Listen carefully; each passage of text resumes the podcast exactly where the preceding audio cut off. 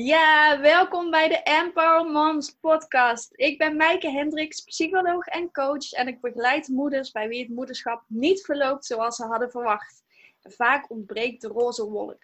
Door middel van coaching ontdekken zij hoe ze een betere balans kunnen vinden, hoe ze twijfels en onzekerheden kunnen loslaten en hoe ze de band met hun kind kunnen versterken, zodat ze de moeder kunnen zijn die ze willen zijn.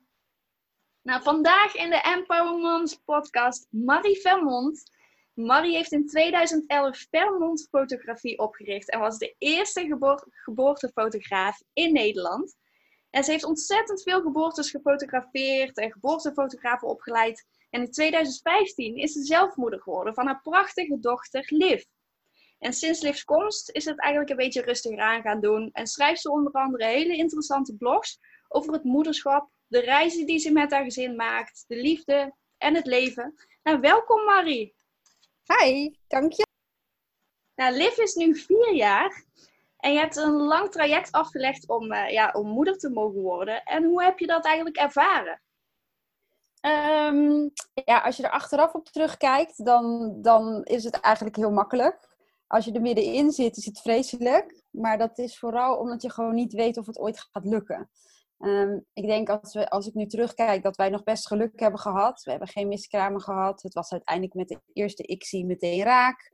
Mm -hmm. um, dus ja, als ik erop terugkijk, mag ik echt niet klagen. Hebben we het echt goed gehad. Het is vooral dat je niet weet of je ooit zwanger gaat raken en wanneer. Wat het in de periode zelf heel erg onzeker maakt. Ja, ja echt die onzekerheid. Dat je niet weet waar je aan toe bent, hoe lang het gaat duren. Ja. Ja. Ja. ja, als iemand gewoon tegen je zegt over, weet ik het, vijf jaar ben je zwanger en krijg je een baby, ook al ben je dan, weet ik het, 41 of 42, dan weet je gewoon, oké, dan kan ik nu deze vijf jaar nog volop genieten, reizen, maar ja, dat doe je niet, want alles staat heel de tijd in het teken van, ik, ik, ik moet zwanger raken. En dat is, um, ja, dat is, als je erin zit, gewoon echt heel moeilijk. Ook om de balans te vinden tussen leuke dingen doen en het loslaten dat je zwanger wil raken. Maar ja, als je het eenmaal bent en je hebt een baby, dan denk je, nou, wat een makkie. Ja, dan vergeet je eigenlijk alles wat eraan vooraf ging. Ja. ja je hebt ja, in deze periode ook, uh, ook heel veel over dit traject gedeeld natuurlijk, in je blogs. En hoe vond je dat eigenlijk om het te delen? Um, ja, ik vond het zelf heel erg fijn, want uh, met mijn werk kreeg ik continu de vraag, wil jij kinderen? En uh, ja, weet je, gaat dat gebeuren? En toen waren we al bezig en ik vond het gewoon dan heel moeilijk om een of ander verhaal te verzinnen van ja, mijn man heeft er al twee en weet je, we gaan erover nadenken. Het was vooral Danny uh, die er moeite mee had of die niet zeker wist of hij het wel wilde delen. Dus op een dag ben ik eigenlijk gewoon blogs gaan schrijven. En die heb ik aan Danny laten lezen van kijk, ik wil het een beetje in, in, in deze stijl doen. Wat vind je daarvan? Want ik denk dat er ook heel veel ja, moeders en vaders in hetzelfde traject zitten die er wat aan kunnen hebben. En toen zei hij van, nou, ik vind het eigenlijk wel mooi en het is leuk geschreven. Dus toen hebben we gewoon afgesproken, we plaatsen het online. En zolang het goed voelt, doen we het. En als er een moment komt waarop we denken van, nou, dit, dit is niet fijn. Of, nou ja, dan stoppen we ermee. En um, ja, dat is eigenlijk niet gebeurd. Want we kregen heel veel, uh, ja, ik kreeg wekelijks berichtjes van mannen en vrouwen trouwens, die zeiden van ja, het is zo fijn om te lezen en het is zo herkenbaar. En ja, nu trouwens laatst nog, vier, nou ja, vier jaar na, vijf jaar na dato, iemand die de blog had gelezen over misselijkheid. Die zei van, oh, ik heb net je blog gelezen en het was zo fijn en zoveel herkenning, dank je wel daarvoor. Dus ja. Oh, wat bijzonder dat je nou nog reacties krijgt, ja. Want ja, dat was echt uit, uitzonderlijk hoor. Ja, want er zit eigenlijk ook een beetje zo'n taboe op. Hè? Mensen praten er niet zo gemakkelijk over als zwanger worden niet zo, niet zo makkelijk gaat. Dus super knap nee. dat, je, dat je dit bespreekbaar hebt gemaakt. Het maakt het voor jezelf echt veel makkelijker, vind ik. Het is zoveel fijner om gewoon eerlijk te zijn. Want anders moet je ook elke keer maar verzinnen waar je naartoe gaat. Want je moet vaak naar het ziekenhuis. En nou ja, dan zit je in die periode van, van ijsprong tot aan ben ik wel of niet zwanger. En ja, als je daar met niemand over kan praten, is dat echt... Uh, ja, ik vond dat heel moeilijk. Sommige mensen vinden het misschien juist fijn om voor zichzelf te houden. Maar uh, ik vond het heel fijn om er gewoon eerlijk over te kunnen zijn. Het enige jammere is, ik had het wel heel erg leuk gevonden als ik gewoon een keer had kunnen zeggen, out of the blue, hi, ik ben zwanger. En dat was natuurlijk nu niet. Want iedereen weet dan dat je ermee bezig bent. Dus dat hele leuke verrassingseffect dat je gaat zeggen dat je zwanger bent. Ja. Eh, ja, dat, dat heb je dan niet zo. Minder of anders. Ja, nee, dat snap ik heel goed. Ja, iedereen die leeft toch met je mee en weet eigenlijk waar je mee bezig bent. Ja, je hebt nou wel een mooi document ook voor later, ook voor Liv, om terug te lezen hoe jullie het allemaal hebben ervaren. Ja, ik was wel van plan om, ehm, dat staat nu op mijn corona-to-do-lijstje, om eh, die, die verhalen te bundelen in een boekje. Want je kan bij Blurup, dat is echt zo'n bedrijf waar je zelf je boeken kan laten printen voor echt niet veel geld, mhm. ehm, een boekje ervan laten maken. En ik dacht, het is wel leuk om dat gewoon in de kast te hebben, dat ze dat later, als ze wil, gewoon nog eens uh, kan lezen. Ja, superleuk. En hoe was het, want jij werkte gewoon in deze periode hè, als geboortefotograaf. Hoe was het om dan bij een bevalling te zijn terwijl je zelf in zo'n traject zit? Ehm, ja, op zich ging dat eigenlijk wel goed. Uh, alleen, ja, ik vroeg me gewoon wel heel vaak af of ik het zelf zou kunnen meemaken. En ik merkte wel dat nadat ik er eerlijk en open over was geweest, dat het ook wel gewoon fijn was om daar af en toe over te praten. Maar ik kon het wel goed loslaten hoor. Het was, het was niet erger als ik bij een bevalling was. Het was wel dat ik dacht, ik weet niet of ik dit werk kan blijven doen als ik zelf nooit zwanger raak. Ik heb wel eens gedacht van ja, zou ik, zou ik dit ook kunnen als ik gewoon straks definitief weet dat het niet gaat lukken. Kijk, als op het moment dat je bezig bent, heb je gewoon nog de hoop. En elke keer als je bij een bevalling bent, denk je, oh, misschien ga ik dat ook meemaken. Mhm. Maar ik dacht, ja, als ik nou zou weten dat ik het nooit mee ging maken, zou ik dit dan nog kunnen doen? ja, dat weet ik dus ook niet, want dat, ja, daar zover is nooit gekomen. Ja. Maar ehm, dingen die definitief over zijn, zijn toch moeilijker. Ja, vooral als je dan telkens mee wordt geconfronteerd. Dan lijkt ja. het best lastig, ja. Ik, ik heb bijvoorbeeld, uh, omdat mijn moeder die leeft niet meer. En ik vond het moeilijker als dan de moeders van de moeder kwamen. Dus zeg maar de oma's, maar dan wel van de moederkant. Ook die reactie, want ja, die staan dan toch wat allerdichtst of zo. Ja. Als ik dat fotografeerde, dat vond ik altijd verdrietiger, omdat ik wist dat, gaat nooit, dat ga ik nooit hebben. Dus ook al raak ik zwanger, dat, dat, dat ga ik niet krijgen. Dus dat vond ik verdrietiger dan iets waar je gewoon nog eigenlijk uh, ja, hoop voor hebt. Nee, dat is ook heel moeilijk, lijkt me. Ja, je ziet bij hun dan het geluk en dan wil je zelf ook. Ja, en je, het is gewoon ook omdat je weet dat dat nooit gaat gebeuren. En dat zwanger raken, dat is wel moeilijk, omdat je in een onzeker traject zit. Maar dan heb je, je hebt wel altijd die hoop nog. Dus je fantaseert ook wel erover hoe het straks gaat zijn als jij dan zelf mag bevallen. Ja, en uiteindelijk ben je gelukkig uh, zwanger mogen raken en ben je bevallen in uh, juli 2015. Toen is Liv geboren. Hoe was het om als geboortefotograaf zelf te moeten bevallen? Um, ja, het, is, uh, het was bijzonder om eindelijk mee te maken. Ik vond vooral dat ik dacht, hoe kunnen vrouwen dit zo rustig? Ik ben zo hysterisch en ik heb zoveel bevallingen gedaan. Ik zei ook elke keer, ik heb meer dan 100 bevallingen gedaan en niemand was zo hysterisch als ik. Ik ben de meest hysterische van alle vrouwen die ik ooit gefotografeerd heb. Dus ik vergeleek het wel veel met wat ik al gezien had. Ehm, maar voor de rest, ja, was het toch gewoon net als, als, als ieder ander. Het is alleen, ja, je hebt zo'n groot referentiekader. En um, je hebt zoveel bevallingen gezien. En je hebt een idee van hoe jij ook wil dat die van jou gaat. Ja. En uh, dat ging helemaal 180 graden anders.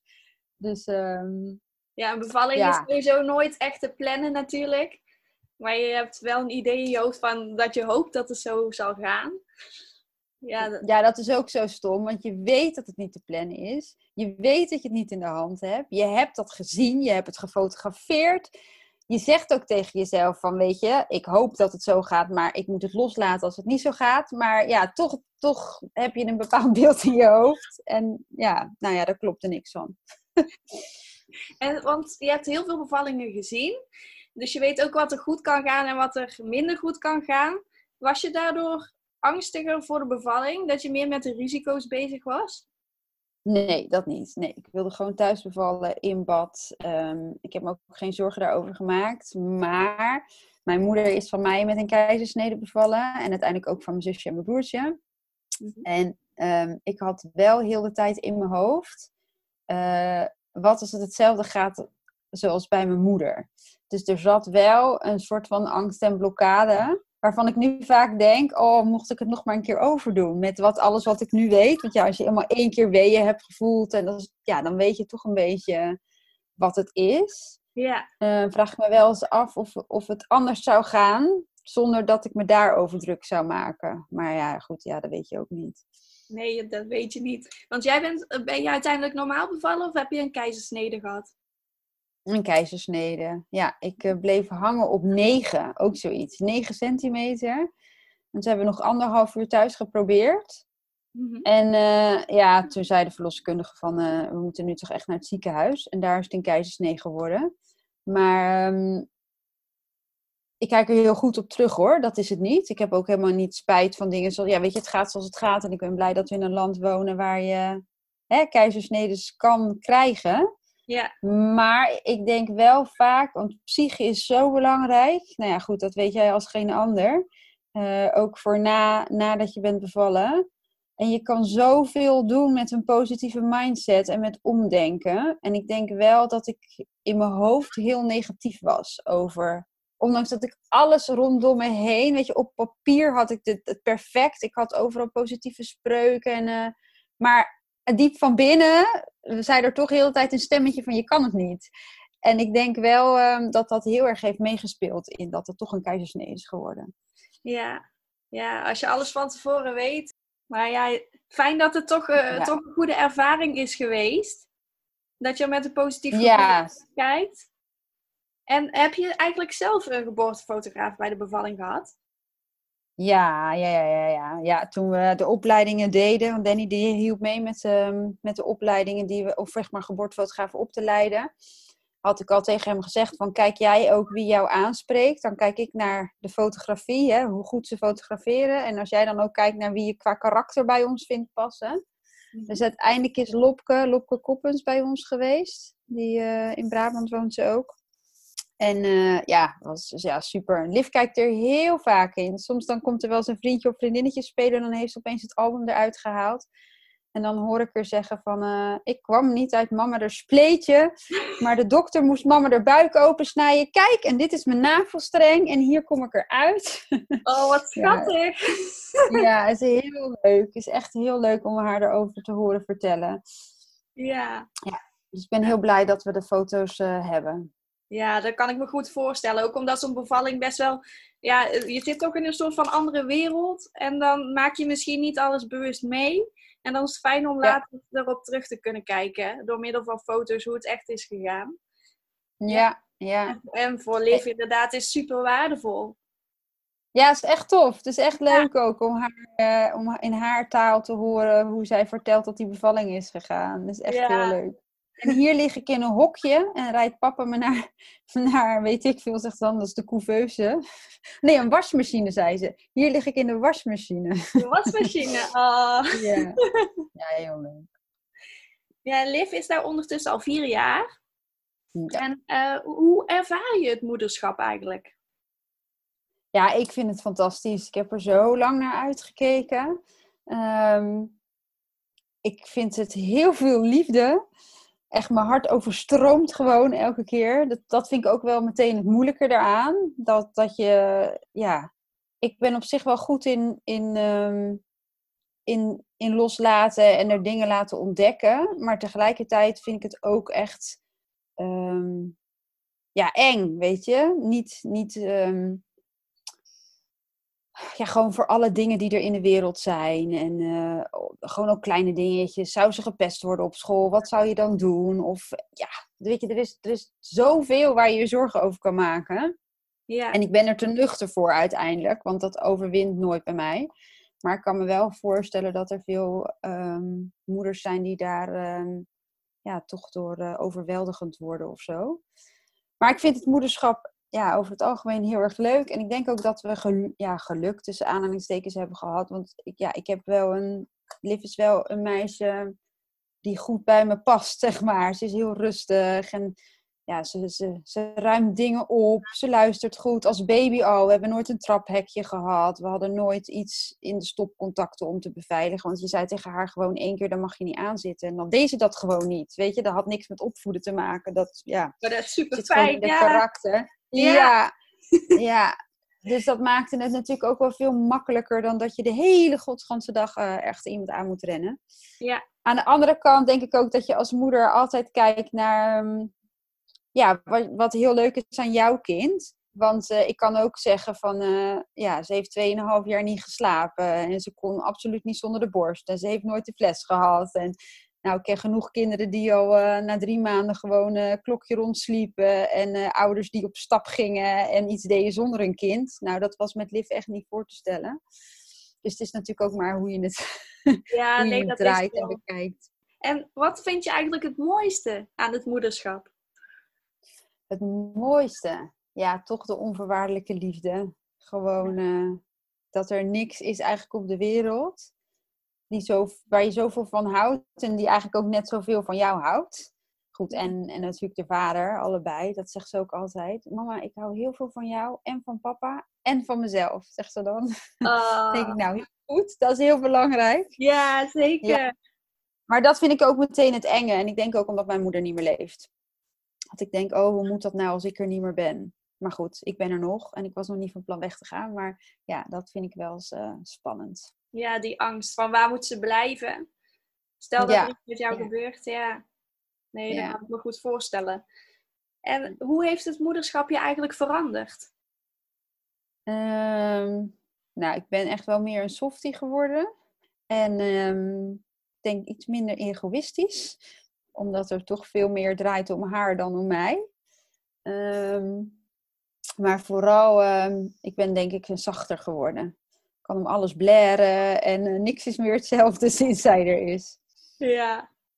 Ja, dan hoor ik heel vaak van moeders inderdaad dat, dat ook heel veel dingen eng zijn in de wereld en dat je ze overal wil, tegen wil beschermen eigenlijk, hè? En dat, Ja. dat gewoon, ja, dat je nu pas ook ziet dat de wereld best wel veel gevaren heeft. Ja, ja. En tegelijkertijd wil je ze ook dat ze er kennis mee maken. Dus het is altijd die balans zoeken tussen wat, wat moet ik zeggen van dat mag echt niet. Mhm. En wat moet je zelf ervaren? Zoiets simpels als oversteken bijvoorbeeld. Ze moeten hier één weg oversteken om bij de vriendinnetje te komen. En dat is in een woonwijk. Daar rijden niet veel auto's. Dus op een gegeven moment moet je er ook het vertrouwen geven dat ze gewoon kijkt als ze oversteekt. Maar nu van de week, want ze doet dat echt al, nou, sinds vorig jaar loopt ze al alleen naar dat vriendinnetje. Ik kijk vaak ook wel uit het raam. En dan stond ik gisteren bij het raam toen ze aankwamen rennen. En dan steekt ze gewoon zonder maar een seconde te kijken. En dan kwam er niks aan, want ik stond natuurlijk al op, erop te kijken. Maar dan steekt ze zomaar over. Dan denk ik, nee kind, ah, dan geef ik je dat vertrouwen. En dan doe je toch nog. Dus ik vind het heel moeilijk om. ehm, want ja, je wil gewoon ook. Ze moet ook ervaren wat er dan gebeurt. Ja, het liefst zonder onder een auto te komen. Maar dat ze dan over is gestoken zonder te kijken. En ja, dat vind ik van het moederschap moeilijk. Die balans vinden tussen. Ze moeten zelf het leren en je moet ze behoeden voor. Want ja, als je voor alles behoedt, dan leer je ook nooit wat. Nee, ja, dat stukje loslaten van je kan niet overal Ja. controle over hebben. En in, in je blog schrijf je ook over, schrijf je heel veel over de dingen die je als moeder meemaakt. En de dingen waar je als moeder eigenlijk tegenaan kunt lopen. En je schrijft onder andere over dat jullie zijn gestart met babyzindelijkheidscommunicatie toen Liv nog een baby was. Nu is dit eigenlijk in Ja. Nederland nog niet zo heel bekend. Wat is babyzindelijkheidscommunicatie? Ehm, nou, het gaat uit van een principe dat een baby eigenlijk gewoon al kan aangeven wanneer die naar de wc moet. Ehm, je wordt eigenlijk geleerd als ouder dat als een baby huilt, honger hebben of moe zijn, te warm of te koud. Of misschien, ehm, eh, wat heb je nog? Honger, warm of koud, slaap. Ja, dat is het hè? Ik zit een beetje te denken van, er was toch nog een vierde punt. Nou ja, dus als een kindje net uit bed komt en het heeft gegeten en het is gewoon goed aangekleed en het blijft huilen, dan is er eigenlijk niet echt iets waarvan je denkt van, nou, wat, wat, wat kan het nog zijn? Maar als je daaraan toevoegt dat het naar de wc moet, ehm, ja, dan kom je er dus achter dat een kindje heel vaak zelf aangeeft eh, dat het al eh, ja, moet poepen of plassen. Ehm, en babyzinnelijkheidscommunicatie speelt daar eigenlijk op in. Dus de titel is niet zo goed bedacht, want het is niet om je kindje zinnelijk te maken, maar het is eigenlijk om te luisteren wanneer ze moeten. In het Engels heet het elimination communication. Eli- elimination betekent eigenlijk poepen en plassen. En dat is het poep- en plascommunicatie is het eigenlijk. En ik denk dat veel moeders het zullen herkennen dat in het begin, als je kindje nog heel klein is en je verschoont de luier, dat ze heel vaak net plassen als je die luier open doet. Dat je denkt, nou heb je heel de tijd je luier aan, dan ga ik hem verschonen, dan ga je precies plassen. Ehm, en wij leren, daar gaat het principe van uit, wij leren kinderen eigenlijk om het in hun luier te doen. En als je een kind gewoon nooit leert om het in zijn luier te doen, maar meteen al van begin af aan um, zijn behoefte ergens anders laat doen, resulteert dat erin dat ze eerder zinnelijk zijn. Ehm, dus dat is niet het doel, maar het is wel een leuke bijkomstigheid. Maar hoe werkt het dan? Want je vertelde net, er zijn, ja, weet je, ze kunnen honger hebben, ze kunnen het warm en koud hebben. Hoe weet je dan dat je baby bijvoorbeeld naar het toilet moet? Ja, dat is heel moeilijk. en uh, dat verandert ook in, in, in de fases waarin ze zitten. Wanneer ze kunnen gaan praten of wanneer ze gebaren kunnen. Sommige ouders doen het ook met uh, babygebaren. Uh, door babygebaren te gebruiken. Maar in het begin is het eigenlijk het makkelijkst om het gewoon aan het lijstje van huilen toe te voegen. Um, dus als al die andere dingen het niet zijn, dat je denkt, nou misschien moeten we dan naar de wc. En wat ook helpt in het begin is het om tijd te doen. Dus ik uh, adviseer ouders altijd om te starten met elke keer als een kindje wakker wordt om op de wc te zetten. Of boven de wc te houden als ze heel klein zijn. Of boven de wasbak of boven een emmer. Dat maakt allemaal niet zoveel uit. Uh, want je hebt eigenlijk altijd prijs, om het zo maar te zeggen, als ze net wakker zijn. En um, eigenlijk plassen ze ook in een ritme dus op een gegeven moment wist ik gewoon, oké, okay, wordt wakker, dan plassen, dan plassen een uur later ongeveer nog een keer. Dus op tijd kan je het doen. Dus je kan het op tijd doen, je kan het op, um, uh, als ze moeten huilen, op, op een soort van signaal. En de signalen verschillen heel erg. Dus het kan huilen zijn, maar als ze eenmaal kunnen kruipen, kunnen ze bijvoorbeeld ook kruipen naar de wc. Zo van, ik, ik, ik moet om het zo te laten wezen. Ja. Um, Dus vaste momenten, eh, signalen. En ja, verder is het een beetje experimenteren. Ja, en, en waar let je dan precies op eigenlijk met die signalen? Wat, wat zijn de signalen van een baby als die moet poepen of plassen? Um, nou, het kan zijn dat, kijk, als je groter wordt, dan kan je zo lekker heen en weer wiebelen van je ene been op je andere been. Um, kindjes kunnen dat zeg maar doen in een, in een mindere mate. Dus dat ze gewoon een beetje onrustig liggen te draaien. Uh, dat merk ik nu aan Liv, nu is ze zinnelijk. Maar s'nachts in bed bijvoorbeeld, dan ligt ze eerst een heleboel keer te draaien voordat ze echt wakker wordt dat ze moet. Um, het kan dus uh, huilen zijn. Het kan ook, sommige kinderen die zijn, liggen opeens heel erg stil. Liv had, als ze net was geweest, dan had ze een soort van bibbertje. Nou, dan wist ik dus gewoon altijd, als ik dat bibbertje zag, dan wist ik, oh, dan ben ik te laat. Dus dat, was niet zo'n heel handig signaal. Dat was eigenlijk een signaal van, ik ben al geweest. Um, ja, dat is een beetje, een beetje zoeken en leren. En ja, goed, baby signalen, zeg maar babygebaren. Kunnen, baby's kunnen zeg maar veel eerder gebaren doen dan praten. Wij hebben het helaas niet gedaan. Maar als je een gebaar maakt voor naar de wc gaan, dan kunnen kinderen eigenlijk al voordat ze überhaupt ja, rond een leeftijd van 9 maanden, 9, 10 maanden, het gebaar maken van ik, ik moet naar de wc. Maar er zit wel een groot verschil in um, tussen dat je weet dat je moet en zinnelijk zijn. Want je kan je blaas, heb ik begrepen uit de um, literatuur, pas echt um, ja, bedienen klinkt zo raar, onder controle houden vanaf ongeveer 1,5. Dus ophouden kunnen pas echt oudere kindjes. Dus ze kunnen hooguit zeggen van ik moet nu, maar dan moeten ze, dan moeten ze ook meteen. Je kan dan niet denken van oh ik ga nog eventjes iets anders doen en dan strakjes op de wc zetten, want dat, dat kunnen ze niet. Oké, en wanneer begin je er dan mee? Uh, het beste is om um, voor zes maanden te beginnen. Mm uh, en dat, dat zit hem simpelweg in het feit dat um, kindjes, als je ze zeg maar tot zes maanden in de luiers, je hebt ze natuurlijk al in de luiers. En hoe langer je ze in de luiers hebt, hoe moeilijker het is om het af te leren. Dus als je gewoon meteen start aan het begin, van uh, als ze nog heel klein zijn, dan hoef je ze het eigenlijk niet af te leren. Want je hebt ze nooit geleerd om een luier aan te hebben. Ja, dus eigenlijk dus kun je al vrij snel na de geboorte dan je baby proberen op de wc te zetten. Of op een potje. Ja, ja, Ja, wij zijn uiteindelijk begonnen met vier maanden. En dat was ja eerst de kindje. En toen dachten we, ehm, ja, weet je, er komt zoveel op je af. En we wilden ook wasbare luiers gaan gebruiken. En ja, we hadden gewoon zoiets van, laten we eerst maar eens kijken hoe het überhaupt bevalt, het ouderschap, voor allerlei andere gekke dingen te doen. Maar als ik nou terugkijk en zie hoe simpel het eigenlijk was, uh, hadden we net zo goed meteen kunnen beginnen. En het is ook, um, weet je, elk plasje wat je hebt scheelt een luier. En als je elke dag één plas zou hebben, zeven dagen in de week, dan heb je dus uh, zeven keer 52 weken. Nou ja, reken maar uit. 300 ja. nog wat, 400 nog wat. Luiers die je per jaar bespaart. Dus zelfs al heb je gewoon maar één plasje per dag, um, scheelt dat toch ook weer een heleboel geld en goed voor het milieu. En um, ja.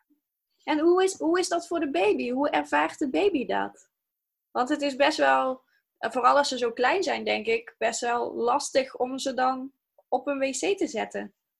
Ja, als ze klein zijn, hou je ze vast. Uh, je hebt eigenlijk een, uh, uh, nou ja, net als dat je ehm, grotere kinderen laat plassen als je onderweg bent, met hun rug tegen jouw buik, zeg maar. En dan de benen de lucht in. Nou, dat uh, met een klein babytje. Dus de, de, rug van de baby en het hoofdje ook, want dat is natuurlijk nog ook veel te klein, leunt tegen jouw borstkas, tegen je borsten. En de beentjes hou je omhoog en dan hang je ze gewoon eigenlijk boven de wasbak. Dus je zet ze nog niet op een wc. En wij hebben met vier maanden toen een potje gekocht voor Liv. Maar we merkten al gauw dat ze dan, baby's zijn heel gauw geneigd om hun benen te strekken. Dus dan gingen ze de hele tijd staan. Dus we hebben eigenlijk heel snel een wc-verkleiner gekocht. Omdat ze daar, dan, ja, dan moest ze echt zitten. Dan kon ze met de voeten ergens tegen afzetten. Ja. Um, en ja, ik, wij vonden het wel belangrijk dat het, het moest wel leuk zijn. Ze moest het niet, ze moest het niet ervaren als iets vreselijks toen ze er één was, heeft ze wel eens geprotesteerd. Dus dan uh, pakten we er vaak een uh, iPad bij. En dan lieten we er heel even een filmpje kijken. Gewoon even net genoeg om te ontspannen. Want het heeft geen zin om een, om een kind 10 minuten op een wc te zetten. Als je moet, dan moet je. En als je niet moet, gaat het niet komen. Maar soms heb je wel even ontspanning nodig om te kunnen plassen. Ja. Dus dan zetten we even een filmpje op. En uh, twee minuutjes, drie minuutjes. En als er dan niks gebeurde, dan haalde ik er weer af. En hoeveel tijd ben je er dan mee kwijt? Want het lijkt me best wel intensief. Ja, dat, het klinkt intensief, maar uiteindelijk, ja, die luier moet je ook wisselen. Uh, een luierwissel is trouwens ook een goed moment om je kindje op een potje te zetten. Want ja, dan ben je toch bezig. Als je bijvoorbeeld naast het verschoonkleden het potje neerzet, dan uh, is het ook een heel goed moment om het te proberen. Um, ja, kijk, als je voor elk heldje elke keer naar de wc gaat lopen, dan gaat het je veel tijd kosten. Maar op een gegeven moment weet je gewoon een beetje ja, wat, wat het schema is, wanneer ze moeten, welke heldje het is. En dan kost het eigenlijk net zoveel tijd als een luier verschonen. Want ja, het is luier uit, de wc, luier aan en dan ben je klaar. Ja. Ja, dus het valt eigenlijk mee. Ja, het klinkt veel ingewikkelder dan dat het uh, is, denk ja. ik. Ja. ja. Wel knap dat dit zo bestaat, want je hoort er vrij weinig over in Nederland. Terwijl het in andere landen, als je eigenlijk nadenkt, worden er veel minder luiers gebruikt. Bijvoorbeeld in Afrika of Azië. Daar, ja. ja, daar lopen Klopt. veel minder kinderen in luiers. Ja, en daardoor leren ze het ook sneller. Het is ook wel grappig, want heel veel mensen zeiden dan... Oh, wat knap van Liv, wat knap van Liv. En dan zei ik, het is niet knap van Liv, het is knap van ons. Want wij horen wanneer ze moet. En dat is het ook. Want dat, je moet ervan uitgaan, het kind geeft het gewoon aan. Je moet er alleen als ouder naar luisteren. En we krijgen dan ook wel vaak de vraag van, kan je het ook parttime doen? Mhm. Nou, dat kan dus ook. Uh, je hoeft het niet fulltime te doen, want wat ik zeg, elk plasje is er één. En kinderen weten heel snel van, oké, bij, de, bij deze persoon kan het wel en bij deze persoon kan het niet.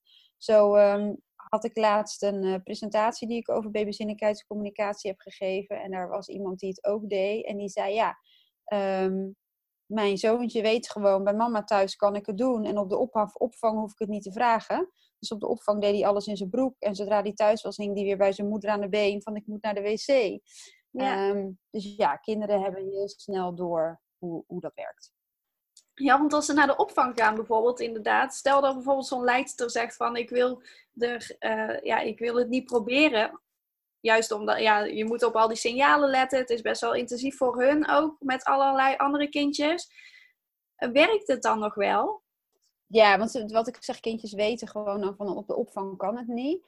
Maar wat ik wel gemerkt heb, Liv is uiteindelijk nooit naar de opvang geweest, maar we zijn er wel mee bezig geweest en bij een paar gaan kijken, is dat als je erover vertelt, dat leidsters het wel echt interessant vinden. En het is wel wat jij net zei, van ja, ze kunnen niet van al die kinderen op, op signalen gaan letten. Maar ze hebben wel op ehm, de opvang een heel vast ritme. Dus ze kunnen wel elke keer als ze luiers verschonen, jouw kindje op, op een potje zetten. Want oudere kindjes gaan dan ook naar een wc'tje. Ehm, en eigenlijk werkt het bij iedereen hetzelfde. Als je eenmaal je eerste plasje van een baby opvangt, dan ben je zo trots. Dan denk je echt, woehoe! En dan wordt het eigenlijk een sport bijna om het nog een keer te doen. En er zijn best wel wat leidsters die het echt leuk vinden om te doen. En te zien dat het werkt. Dus het hangt een beetje af van wie, wie het doet. En hetzelfde is met opa's en oma's. Weet je, er zijn er, de meeste mensen reageren heel sceptisch. Maar als het ze dan eenmaal lukt en ze zien ook dat het voor zo'n kindje fijn is en dat je steeds meer plasjes opvangt. En dat je dus nooit en te nimmer een poepluier hoeft te verschonen. Want wij hebben dus maar drie poepluiers gehad van Liv. Um, sinds ze vaste voeding ging eten. En verder nooit. Nooit van die smerige peut. Nee, want poepen zie je echt goed. Want ze gaan altijd eerst even zo uh, zitten van ik moet. En dan heb je nog tijd genoeg om je kind naar de wc te zetten. Dus um, ja, poep is echt het, nog veel makkelijker dan plas om te zien wanneer ze moeten. En daardoor ontwikkelen ze ook niet die angst voor de wc.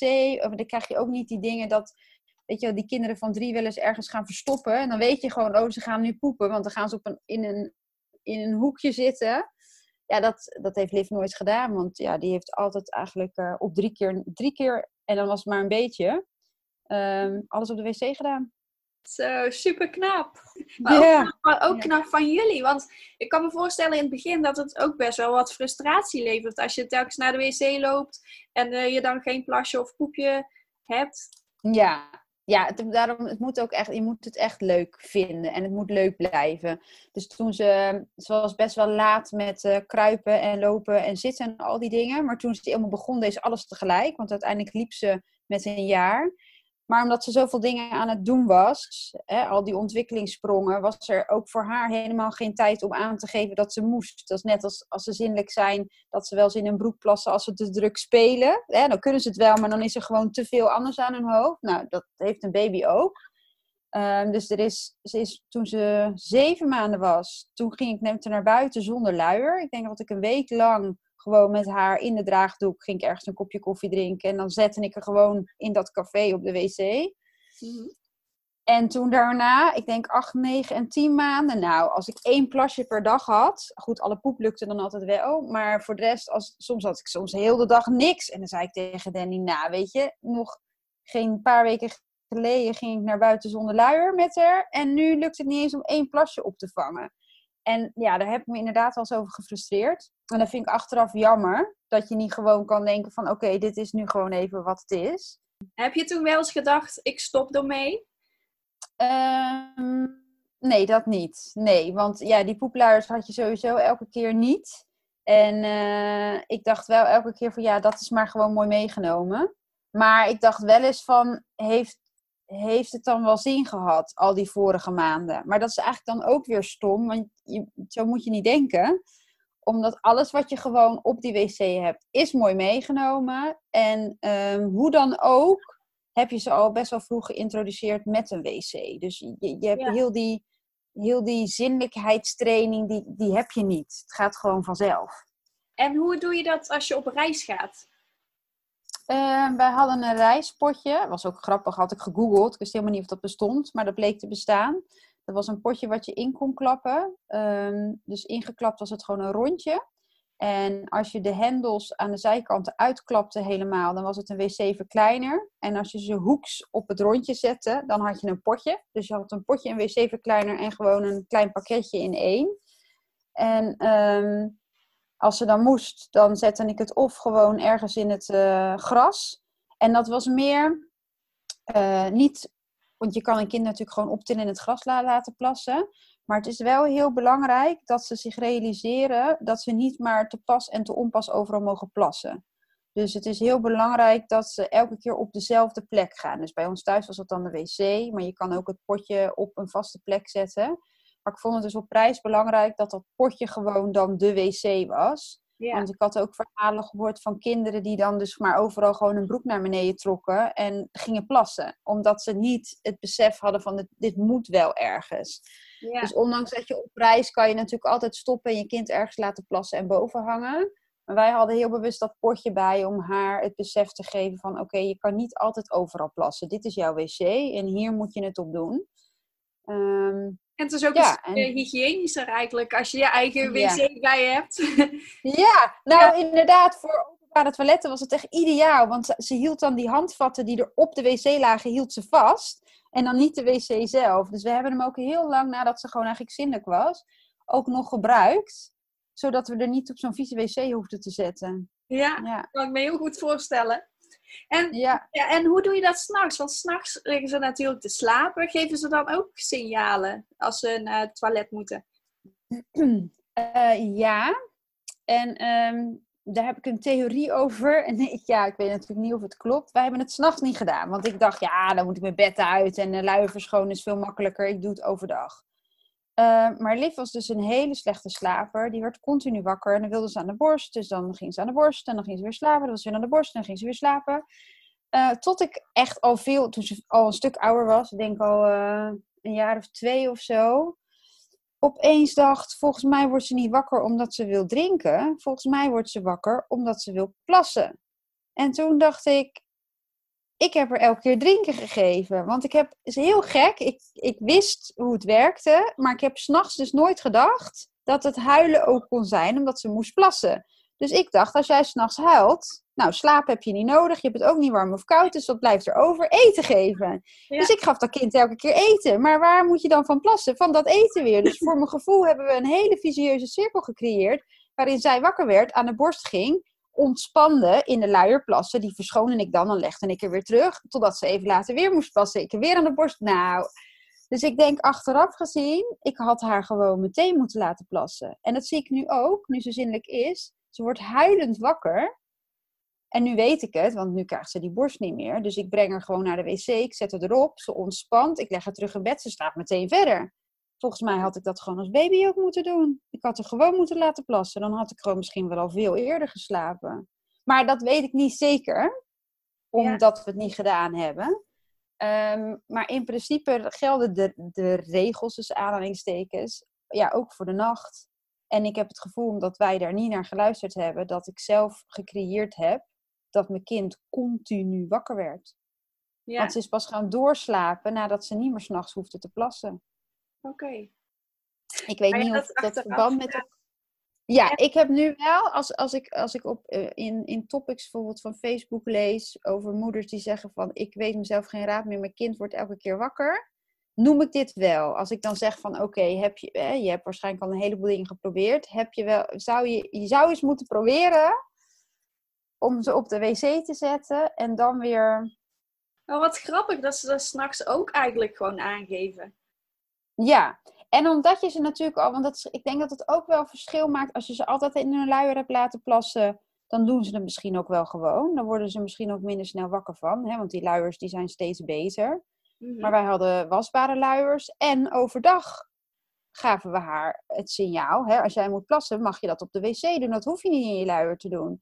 Dus misschien dacht dat kind s'nachts wel gewoon van... Ja, mama, ik zeg nu toch dat ik moet. Maar ik, ja, ik heb er gewoon niet over nagedacht. En toen ik wel helemaal door had van dit kan het zijn, was ze eigenlijk al te oud. En was ze woest, want dan was dat zo koud aan haar billen. Want dan moest de broek uit en dan moest ik er op een potje zetten. En ja, dat vond ze dan ook niks. Nee, en dus dan ben je helemaal wakker natuurlijk, als je dan half naakt op de wc moet zitten. Ja, nu ik um, ook voor die presentatie me verder in verdiept had, heb ik ook gezien dat je um, een hoes kan kopen voor over een potje. Waardoor het gewoon veel lekkerder is, gewoon van stof om op te gaan zitten. Dat het niet zo koud is aan je billen.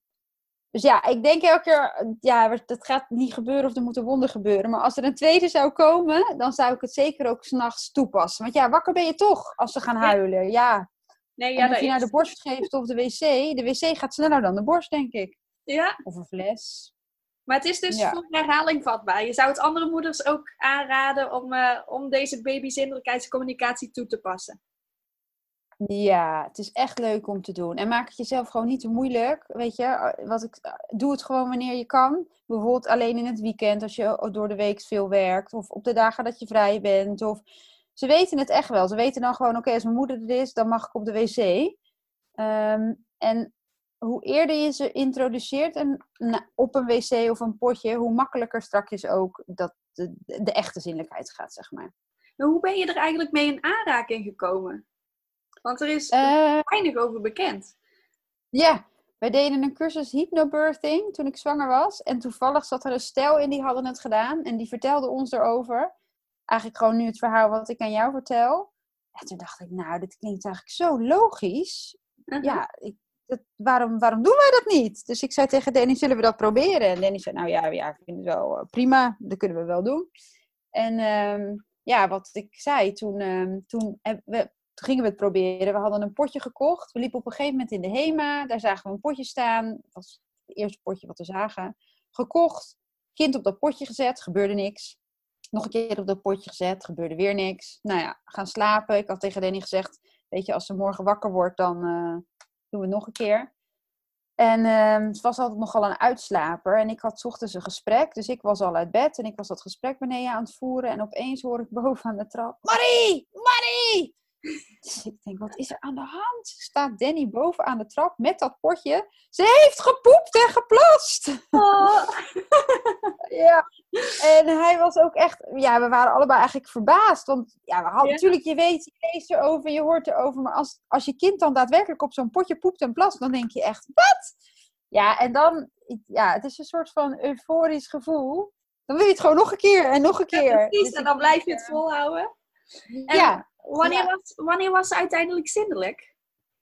Um, ze was, um, met dat ze echt kon zeggen dat ze moest poepen, was ze 18 maanden.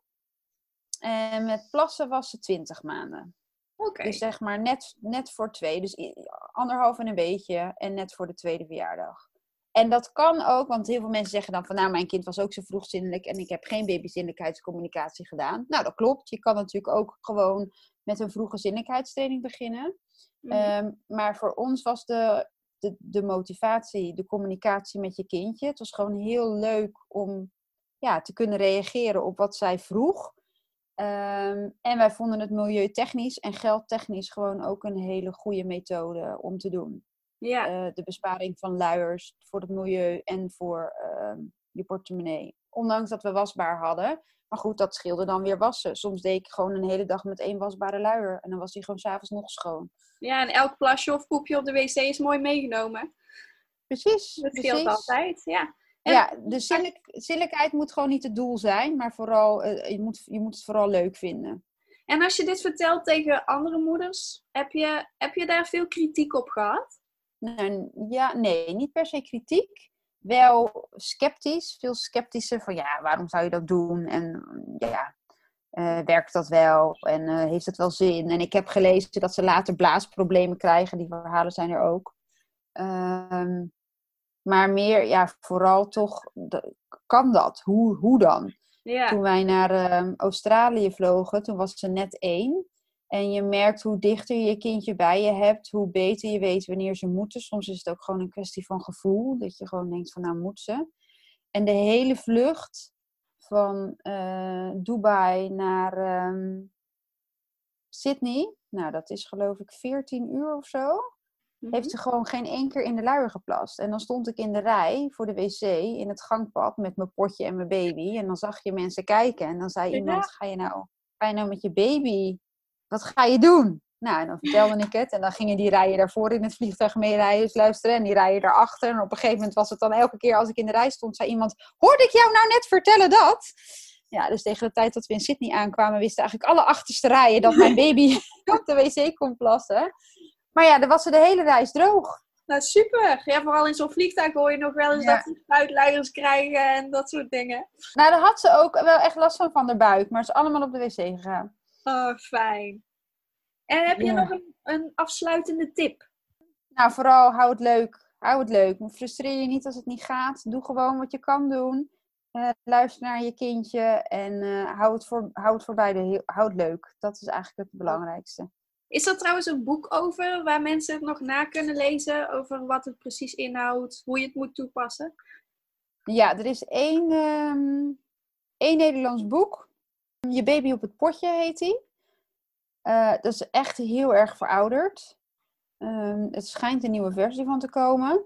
Er is wel ook een Engelse uh, podcast erover en een Engels boek. En dat heet uh, Go Diaper Free.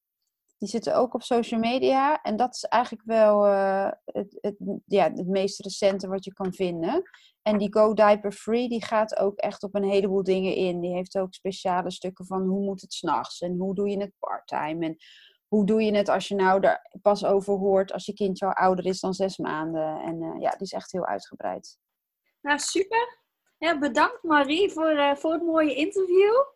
Alsjeblieft. En, hopelijk hebben we een beetje ja, meer bekendheid kunnen geven aan uh, babyzindelijkheidscommunicatie. Mensen meer bewust van kunnen maken dat het bestaat. Ja. Wil je meer weten over mij of mijn werkwijze? Ga dan naar empowermoms.nl. Empowermoms met de letter M. En daar kun je ook een gratis stappenplan downloaden. Hoe jij in drie stappen van een gestreste naar een relaxte moeder kunt gaan. Nou, ik ben heel benieuwd wat jij van deze podcast vond. Laat het even weten hieronder in de reacties. En dan zie ik je graag de volgende keer.